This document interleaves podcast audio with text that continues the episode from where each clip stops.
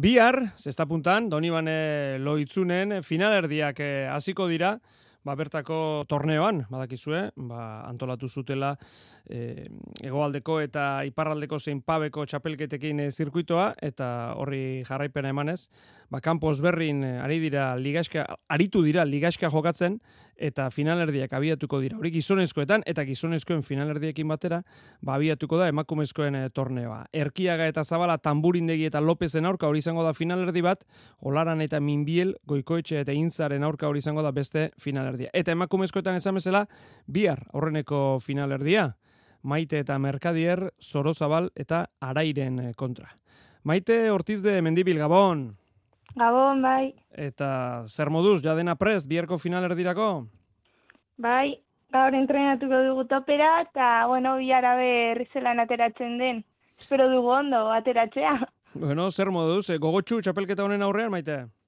Bai, e, bueno, ja jokatzeko goekin, eta, bueno, ba, ea zer moduz ateratzen den, espero dugu ondo ateratzea, eta ba, gure maila e, ematea. Esan dugun moduan, gizonezkoek egin dute ligaxka, orain hasiko diaiek ere finalerdietan, eta giroa ibili da frontoian, beraz, bihar normalean, ba, bueno, jende mordoska baten aurrean jokatu beharko duzu, giro onarekin. Bai, e, azkenean frontoia beteta ikustean aizta urduritasuna e, emon, be bai, e, ba, posgarritasuna, ze azkenean e, orduan ikusten da, ba, e, zesta puntak be bai, e, jendea eramaten duela frontoira. E, zan dugu, zu merkadierrekin batera, zorozabal eta arairen kontra. E, nolako partida izan daiteke, nola ikusten duzu? Ba, uste dut, e, ba, haiek e, peloteon e, hainbat e, oza, asko jokatzen dute, orduan e, bueno, ba, guk igual e, bukatuko ditugu tantoak e, ora kuadrotan, eta ba, bueno, haiek oso seguruak dira, beraz e, asko borrekatu beharko dugu.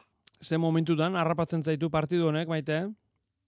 Bueno, uste dut momentu honean, ze ez dugu e, e, etenaldirik izan, egon gara e, mundialetik ona e, entrenatzen, partido jokatzen, beraz uste dut e, momentu honean gaudela. e, elkarrekin, gaurko entramendu egingo duzue? Ez, gaur entrenatzen dut e, klubek, e, klubekoekin mutrikun, beraz gaur ez. E, beraz, partidara iritsiko zarete, elkarrekin batera entrenatu gabe? Bai, hori da, bai azkenean bera pues hori barraldekoa da eta bueno, ba distantzia luzea da eta bueno, ba bi area zer, zer moduz ateratzen den. Mm Uste dut ondo aterako dela ze azkenean e, beste txapelketa batean be bai elkarrekin jokatu dugu orduan. Bai, hori da, azkenean e, ezagutzen zarete, e, munduko bai. txapelketetatik, bestelako torneoetatik, ezagutzen zarete, bidazoaren bi aldeetako puntistak, ez da? Bai, hori da. E, bikoteak ala osatu dituzte. E, bueno, egoaldeko lau pelotari zaudete, gero zoroza baldago iparraldekoa, eta beste irurak e, frantziarra dira. Bikoteak osatu dituzte, bidazoaren alde ontako pelotariak, alde hartako pelotariekin, ez da?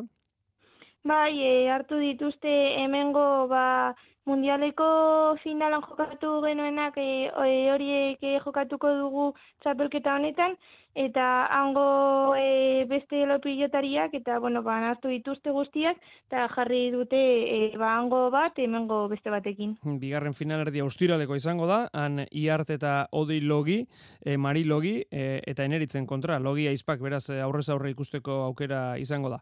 E, nolako txapelketa esan dute garrantzitsua da zuentzat e, Donibane Loitzuneko bezalako torneo garrantzitsu batean e, ba hor aritualizatea besterik ez bada oraindik ligaskarik eta ez dago zuentzat, baina besterik ezpada ba, bi final erdi eta finala jokatzea maite?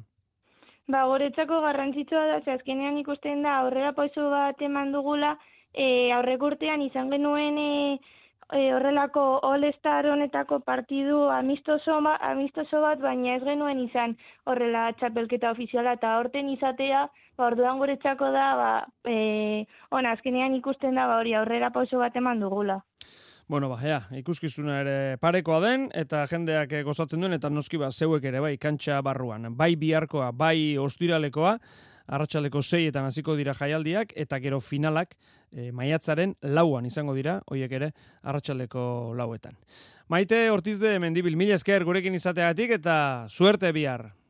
Bale, eskerrik asko.